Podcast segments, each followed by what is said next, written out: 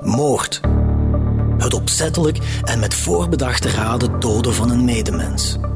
Het is het zwaarste misdrijf dat iemand kan begaan. We zijn er op een akelige manier door gefascineerd. Hoeveel romans, films en andere verhalen behandelen dit duistere thema? Helaas is moord niet altijd fictie. Integendeel. Er wordt gedood uit passie of jaloezie, uit wraak, lust, voor geld of botweg uit haat. In deze reeks analyseren we verschillende ophefmakende Limburgse moorddossiers, van plaatsdelict tot veroordeling. En gaan we op zoek naar de motieven die in het verknipte hoofd van de dader zijn gruwel rechtvaardigen. Ik ben Geert op Teinde en dit is Van Moord tot Verdikt. Episode 18. Aanslag in Istanbul. I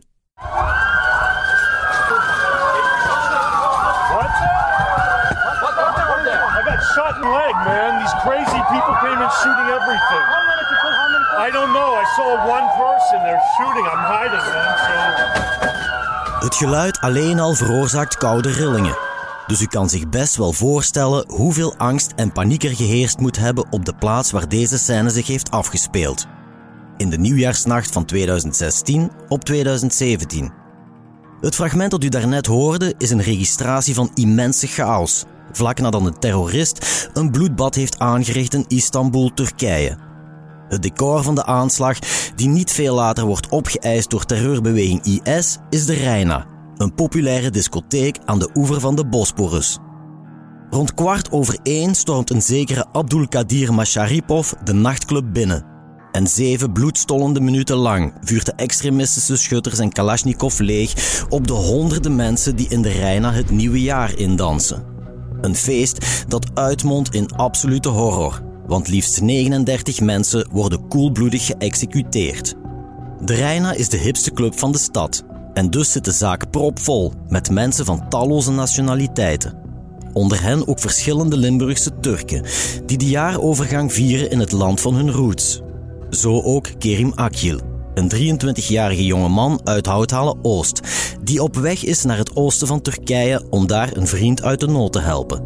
Maar omdat er geen rechtstreekse vlucht is naar zijn eindbestemming, verblijft Kerim enkele dagen in Istanbul, waar hij op oudjaarsavond spontaan beslist om even de sfeer te gaan opsnuiven in de Reina. De populaire dancing zal echter meteen zijn allerlaatste bestemming zijn, wanneer het noodlot die nacht beslist dat de geliefde Kerim een van de slachtoffers zal worden van een meedogenloze terrorist. Ik ben eh, Kenan, eh, de oudere broer van Kerim Zaliger. De feiten op zich, die hebben wij ja, uiteraard van de politie en dergelijke vernomen. En eh, wat er is gebeurd, denk ik dat hij gewoon ehm, naar daar is gegaan, omdat dat toch wel, allee, zogezegd, de grootste club van, van Istanbul was. Omdat daar echt wel veel volk allee, naartoe ging en dat dat toen echt wel de club was. Maar hij is daar gegaan, denk ik. En hij wilde gewoon zijn drankje meepakken aan de toog. Gewoon, wou hij gewoon zijn, eh, iets, drinken aan de toog op zijn gemak. Hij was alleen. Dus ging hij niet, eh, ik zeg maar, ging hij niet echt feesten. Of hij, wou, hij was gewoon aan de toog, even op zijn gemak iets aan het drinken. Beetje rond aan kijken, beetje aan het chillen.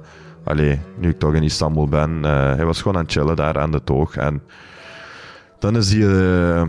dan is hij een zot, echt een zot, daar dan binnengetrokken. En heeft hij dan, eh, is, hij, is hij begonnen te schieten. Op het moment dat de gruwel zich in Istanbul voltrekt, viert de nietsvermoedende familie van Kerim ook nieuwjaar. Vader Ali, die op dat moment een succesvolle kebabzaak uitbaat in Maasmechelen, trekt die avond samen met zijn echtgenote naar Rotterdam, op uitnodiging van een familielid. We hadden besloten om onze zaak om 6, 7 uur te sluiten, omdat eh schoonbroer uit Nederland heeft ons gebeld. En die hebben gezegd, kijk, we nodigen jullie uit. We hebben hier een restaurant gereserveerd. We gaan samen iets eten en dan nieuwjaar samen doorbrengen. We hebben gewerkt tot, volgens mij, tot 7 uur. En van werk hebben wij rechtstreeks naar Rotterdam vertrokken. We hebben daar uh. En toen is dat rond 12 uur. Uh, wij zijn buiten gegaan, even vuurwerk gekeken. En kwart na twaalf, ik zei, we gaan vertrekken, goed. We zijn kwart na twaalf Rotterdam vertrokken. Ja, hoe laat was ik thuis? Ik denk kwart voor twee, half twee, ik weet het niet. We waren thuis al. Maar, maar als, als, ja, omdat het nieuwjaar was, wat heb ik gedaan thuis? Uh, want nieuws had ik niks gehoord. Maar ik wilde gewoon PC open gedaan. Ik dacht mij eigen, ik ga gewoon de wereldberoemde vuurwerks bekijken. Maar in één keer zag ik aanslag in Reina, Istanbul. Oh. Uh, ik weet niet, ik voelde iets direct. Dat was heel, heel diep in mij. Ik was gewoon, ik voelde direct heel bezorgd. Ali's gedachten schieten alle kanten op. Iets in hem zegt dat zijn zoon Kerim tijdens de aanslag in de Reina aanwezig was. Ja, we waren echt ongerust. Ik, eerste instantie dat ik Reina hoor, omdat Reina is toen die tijd een van de populairste zaken van Istanbul. Want ik ben met zijn mama ook ter voorjaar of drie, vier terug. We zijn s'avonds daar iets gaan eten gewoon. Omdat iedereen babbelt over. Jij, als Istanbul, jij, dan wandelt je daar en dan zeg je, kijk, ah, hier is Reina, kom eens iets drinken daar of zo. Maar uh, ja, omdat Reina zo populair was, had ik direct zo pijn in mijn hart. Ik dacht mij eigen, uh, zou die daar zijn? In een poging om zichzelf en zijn vrouw gerust te stellen, neemt Ali de telefoon en hij probeert meermaals zijn zoon te bereiken op zijn gsm. Maar Kerim, die antwoordt niet. Ik was bezig naar Kerim te bellen, maar ik heb die niet kunnen bereiken. En Kerem nummer wisten we, wij hadden die Kerem zijn nummer. Maar wij kunnen Kerem niet bereiken. Oh, ik was direct ongerust, wat heb ik gedaan? En toen heb ik direct Kenan gebeld, de broer. Kenan was met zijn vrienden in Gent. Ik zeg, ja Kenan, uh, is Kerem, weet je waar Kerem is? Welke hotel woont? Heb je Kerem kunnen bereiken? En we beginnen om te vijf minuten naar hotel te bellen. Is Kerem daar? Is Kerem teruggekomen? Kerems broer Kenan, die nieuwjaar in Gent viert, wordt eerder die nacht al enigszins gealarmeerd. Kort voor zijn vader hem belt, heeft hij enkele vrienden aan de lijn die hem vertellen over de aanslag in Istanbul. Dus ik was in Gent uh, ook iets aan het drinken s'nachts en dan opeens belt uh, uh, een kameraad van de kapperszaak belt mij en die zegt ja Kenan, heb je dat gezien van wat er in Istanbul is gebeurd? En eigenlijk heb ik dat gezegd, ja oké, okay, Istanbul is groot. Istanbul, daar wonen 20 miljoen mensen. Dus wat is de kans dat een jonge man uit Houtalen met 30.000 inwoners vertrekt naar Istanbul, een metropool, een stad van 20 miljoen inwoners, en dat hij dan daar getroffen zou zijn? Allee, wat is de kans? Statistisch gezien is die bijna niet heel, denk ik. Allee, die kans dat dat zoiets kan gebeuren. Maar dat hij mij had gebeld, dat was wel even niet fijn. Allee, maar allee, ik was toen op dat moment niet ongerust. Toen belde Sali mij, ook een vriend. En toen begon ik wel ongerust te worden. Zo van, oké, dat, is, dat is wel de tweede die heeft gebeld. En met het thuisfront heb ik ook wel contact gehad, maar het was nog niet duidelijk, omdat ze ook niks van Kerim hadden gehoord. Het was niet duidelijk allee, wat er eigenlijk scheelde, wat er aan de hand was. Uh, en begin ik mijn broer beginnen te sturen eigenlijk, s'nachts. Uh, van, waar zit je, wat doet je? En mijn berichten kwamen maar niet aan. Dat was eigenlijk... Ja, te verwachten van Kerim dat hij niet direct zou antwoorden. We hebben het nogal in het verleden verschillende keren meegemaakt dat hij niet antwoordde, dat hij met iets bezig was. En dus maakten we ons niet direct ongerust dat hij niet terug antwoordde. Maar toen ben ik op mijn gsm beginnen te scrollen. Op Twitter, op Instagram, op Facebook van Reina. En, en ben ik mensen beginnen te sturen, zo, ik zeg maar die, die een avond daar waren, ben ik die mensen beginnen te sturen van heb je toevallig mijn broer gezien of niet? Dan ben ik beginnen ziekenhuizen te bellen, politie beginnen te bellen uh, in Turkije. En uh, eigenlijk toen begon ik wel ongerust te worden. Thuis bij de familie Akil in Houthalen Oost slaat de paniek toe. Omdat Kerem niet antwoordt op berichten en telefoontjes, groeit de vrees dat de situatie wel eens zeer ernstig zou kunnen zijn. Ik was toen heel ongerust. En toen begonnen wij politie te bellen. Alle politiebureaus, heel veel ziekenhuizen. Oh, ik, ik, ja, zelfs, zelfs kranten heb ik proberen te bellen. S'morgens zes, zeven uur geloof ik. Ja, gewoon, gewoon heel leeg. Overal bellen en maar bellen en maar weer al om de tien minuten. Of hotel bellen. Natuurlijk, we waren hopeloos en maar bellen. Ah, we hebben ook iedereen, ganse familie. Uh, we houden allemaal op hoogte. Uh, heb je iets gehoord? Heb je iets gehoord? En ik begin consulaat te bellen. Uiteindelijk heb ik in Ankara uh, Belgische consulaat kunnen bereiken s'morgens. Ik zeg, waar is mijn zoon? Alsjeblieft, laat mij iets weten. Ali en Kenan bewegen hemel en aarde om toch enige zekerheid te krijgen over de whereabouts van Kerim. En dus bellen ze ook zijn naaste vrienden. Dus ik ben Roberto Darnese. Uh, ik woon op een viertal straten van uh, Kerim. Uh, en ik was de beste vriend eh, van Kerim. Dat moet rond twee, drie uur s'nachts zijn, op nieuwjaarsnacht dan, dat Kenan mij belt van, met de vraag van waar is hij op stap gegaan, weet jij wel niets? Is hij ergens naartoe gegaan waarvan je weet? Ik wist niet dat hij plan had waar of hoe of om op stap te gaan. Ik wist het niet. Dus dat was eigenlijk de eerste signalen van dat er iets aan de hand was, aangezien hij niet antwoordde op, op berichten of telefoons. Na de oproep van Kenan probeert Roberto meermaals zijn vriend te bereiken. Maar ook bij hem geen antwoord. Natuurlijk, ja, meerdere keren berichten sturen van hè, uh, uw familie, wij zijn wat onrustig, laat even iets weten. Van, ook geprobeerd te bellen, uh, voicemail. Dat Kerem niet bereikbaar is, geeft Roberto een dubbel gevoel. Enerzijds maakt hij zich zorgen, maar tegelijkertijd probeert hij niet al te ongerust te zijn.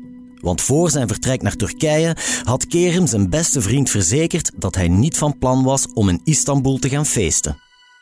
Hij had me verteld dat hij het rustig aan zou doen. Dat hij eigenlijk niet echt plannen had om, uh, om uit te gaan.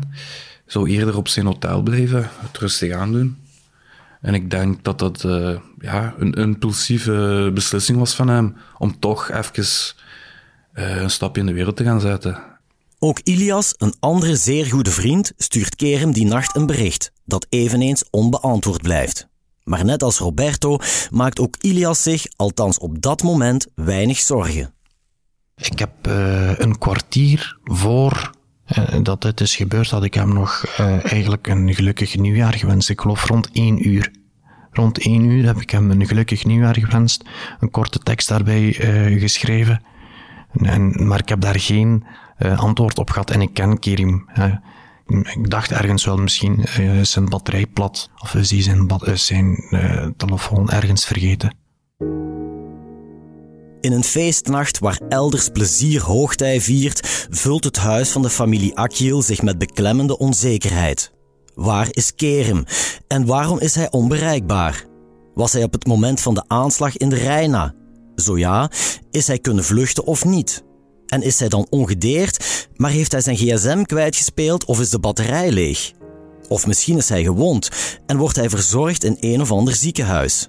De onwetendheid blijft de hele nacht knagen, terwijl de Akils al het mogelijke doen om antwoorden te krijgen. En dan rinkelt plots de telefoon. Rond, ik denk tien uur was dat. Ik krijg terug oproep, maar ogenblikt neemt mijn vrouw de telefoon op.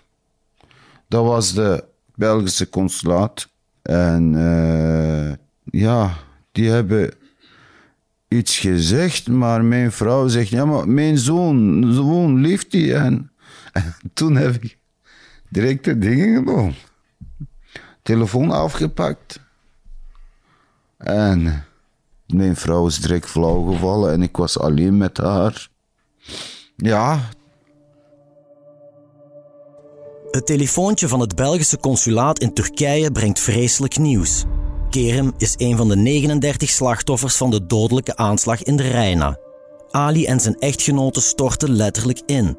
Maar meteen neemt Ali een drastische beslissing. Hij vertrekt stantepede naar Istanbul. Mijn vrouw, die zegt ja, breng mij naar mijn zoon.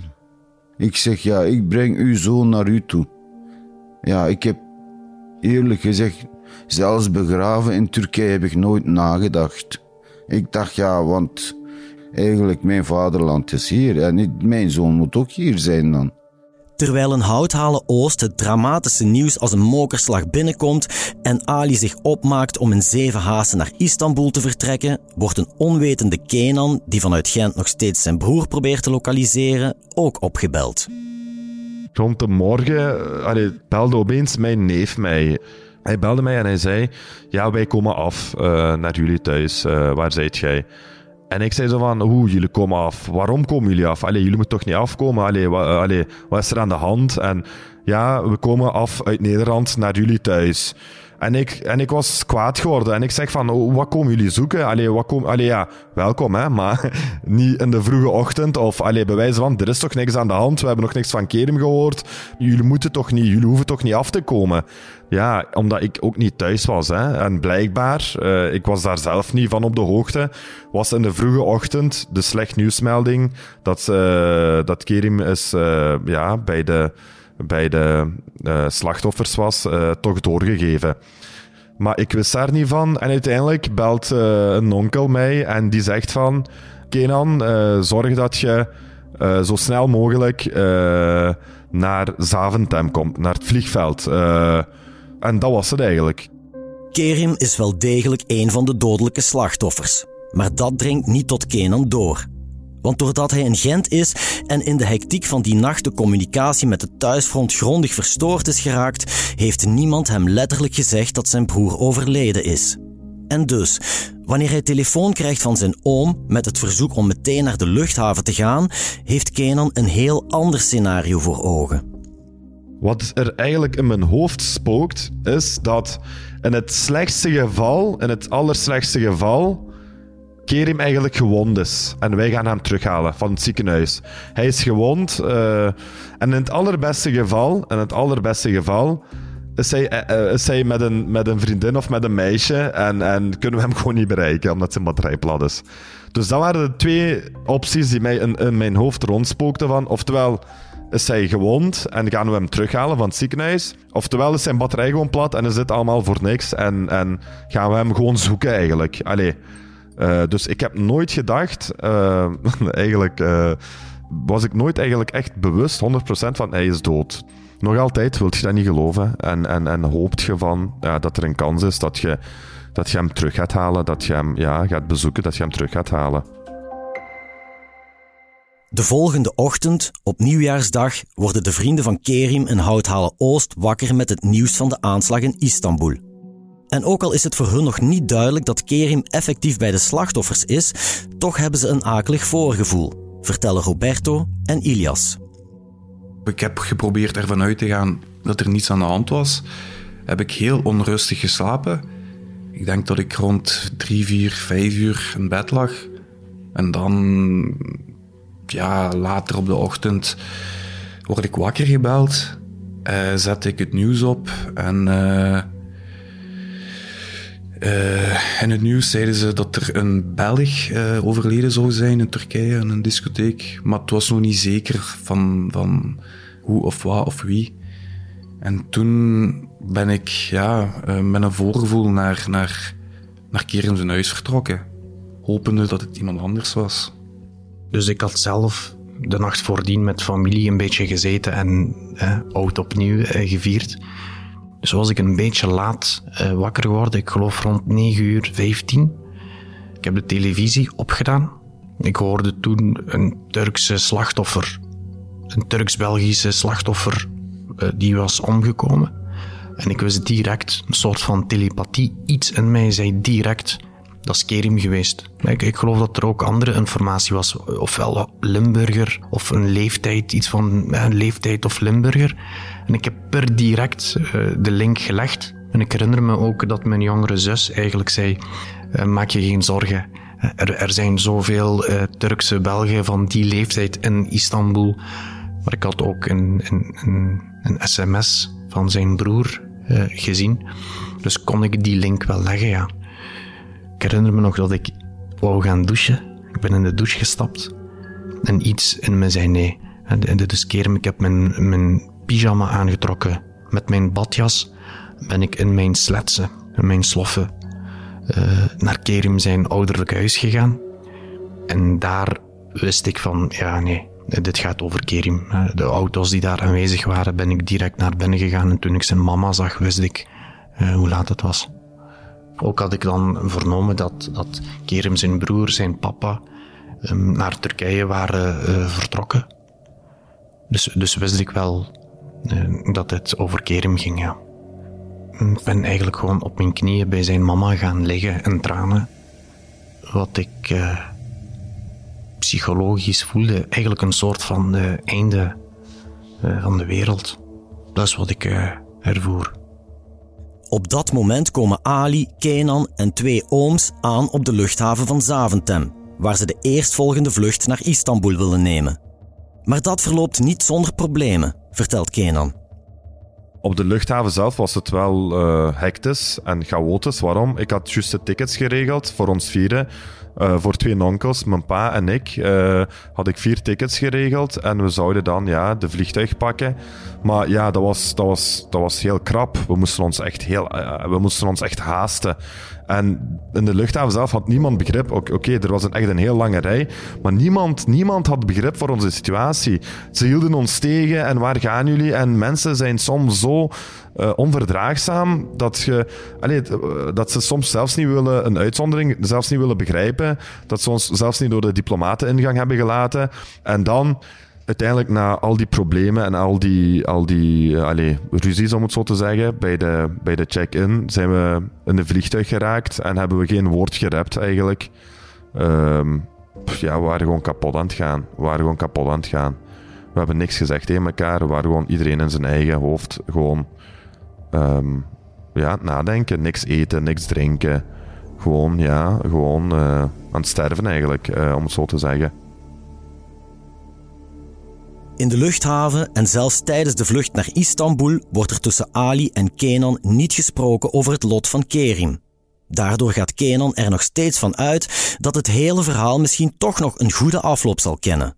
En dat terwijl het overlijden van Kerim, het enige Belgische slachtoffer van de aanslag, al volop vermeld wordt in het nieuws. Het is ook in de media gekomen, in de vroege ochtend, denk ik. Uh, is dat ook in de media gekomen dat mijn broer is gestorven. Maar op dat moment zit je echt niet bezig met even uh, uh, het belang te checken of ik zeg maar uh, even naar nieuws te kijken. Op dat moment zit je daar totaal niet mee bezig. Op dat moment zit je bezig met, met, ja, met proberen hem te bereiken, met, met politie te bellen en, en dergelijke. Dus ik wist dat echt niet, dat hij erbij was. En niemand heeft me dat gezegd. Dus niemand heeft mij eigenlijk gezegd dat mijn broer overleden was. Um, en dat kan ik eigenlijk nog altijd niet begrijpen dat niemand mij letterlijk heeft gezegd van uw broer Kerim is overleden. Uiteraard begrijp ik dat wel en, en zij waren ook, ook eigenlijk niet zeker daarvan, denk ik dan. Dus het was hopen van dat hij nog leeft. Uh, dat was eigenlijk meer van wat er leefde in de harten van, van ons allemaal. Van hopen van dat er toch nog een kans zou zijn. Ah, ik, ik, voelde dat wel aan een beetje. Van oké, er is iets serieus aan de hand. En zoals ik daarnet zei, van dat hij misschien echt wel... Allee, dat hij gewond en zwaar gewond was. Maar in mijn hoofd had ik iets van... Zolang ik uh, hem niet met mijn ogen gezien zou hebben van wat er aan de hand was... Uh, ging ik ook niet geloven dat uh, het, het slechte scenario dan zich had voltrokken. Dus ik moest het eerst met mijn eigen ogen gezien hebben, tot ik het echt ging geloven van, van mijn eigen. Als ik Kenan voorleg waarom hij op geen enkel moment duidelijkheid heeft gevraagd aan zijn vader over de toestand van Kerim, blijkt dat de traumatische nacht vol hectiek en onzekerheid een zware tol heeft geëist. Eigenlijk, hè, je vraagt soms zo van, wat heb je toen gedacht en dit, allee, dat zijn terechte vragen en diepgaande vragen. Maar eigenlijk, dat is, dat is gewoon alles wat ik meemaak in een waas. Allee, ik ben daar niet. Ik ben daar wel en ik ben daar niet. Dus ja, wat er rond mij gebeurt zo, ik ben er met mijn lichaam wel, maar in mijn hoofd ben ik er eigenlijk niet. Dus wat er ook gezegd wordt, en ik weet niet wat, ik was er eigenlijk niet in mijn hoofd. Wanneer ze in Istanbul landen, worden Ali en Kenan opgewacht door de politie, die hen doorheen de drukke miljoenenstad naar een mortuarium escorteert. Het is dan, wanneer hen gevraagd wordt om Kerim te identificeren, dat Kenan pas echt beseft wat er aan de hand is.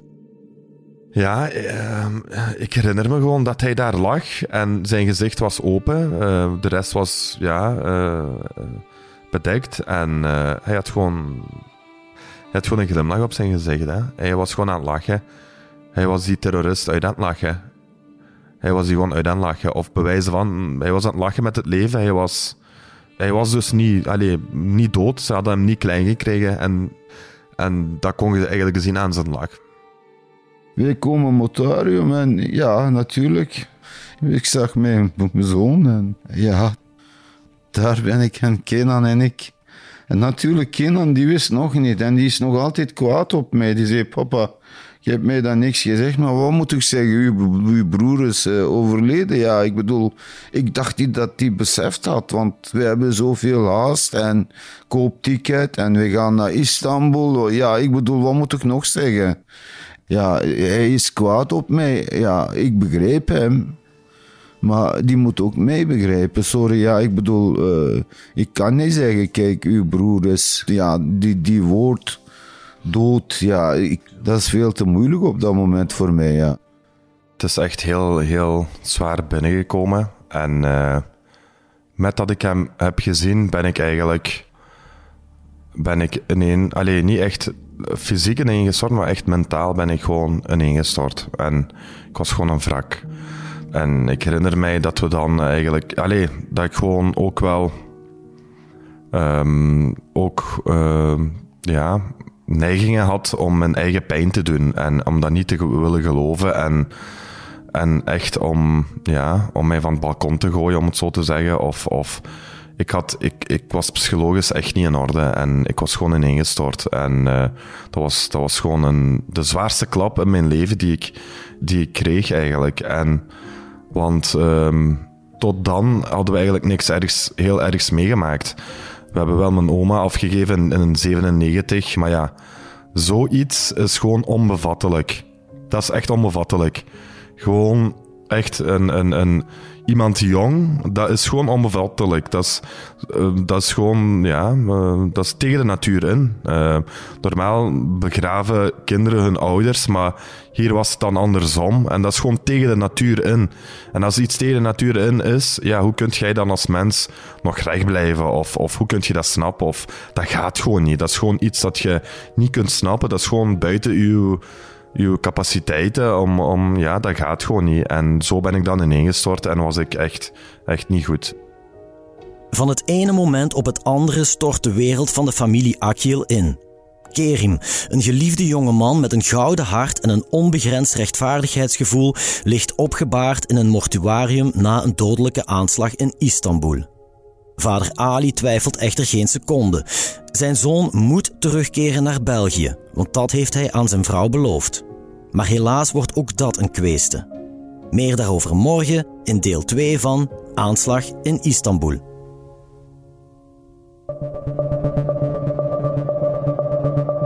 U luisterde naar Van Moord tot Verdikt, een true crime reeks van HBVL Podcast. Samenstelling door Geert op het einde. Montage en audioproductie door de buren. Coördinatie door Cato Poelmans. Chef podcast is Geert Nies. Reageren? Dat kan via podcast.hbvl.be. Benieuwd naar wat er in de wereld gebeurt en wat dit juist betekent voor onze provincie? Ontdek onze voordelige leesformules op hbvl.be/voordelig.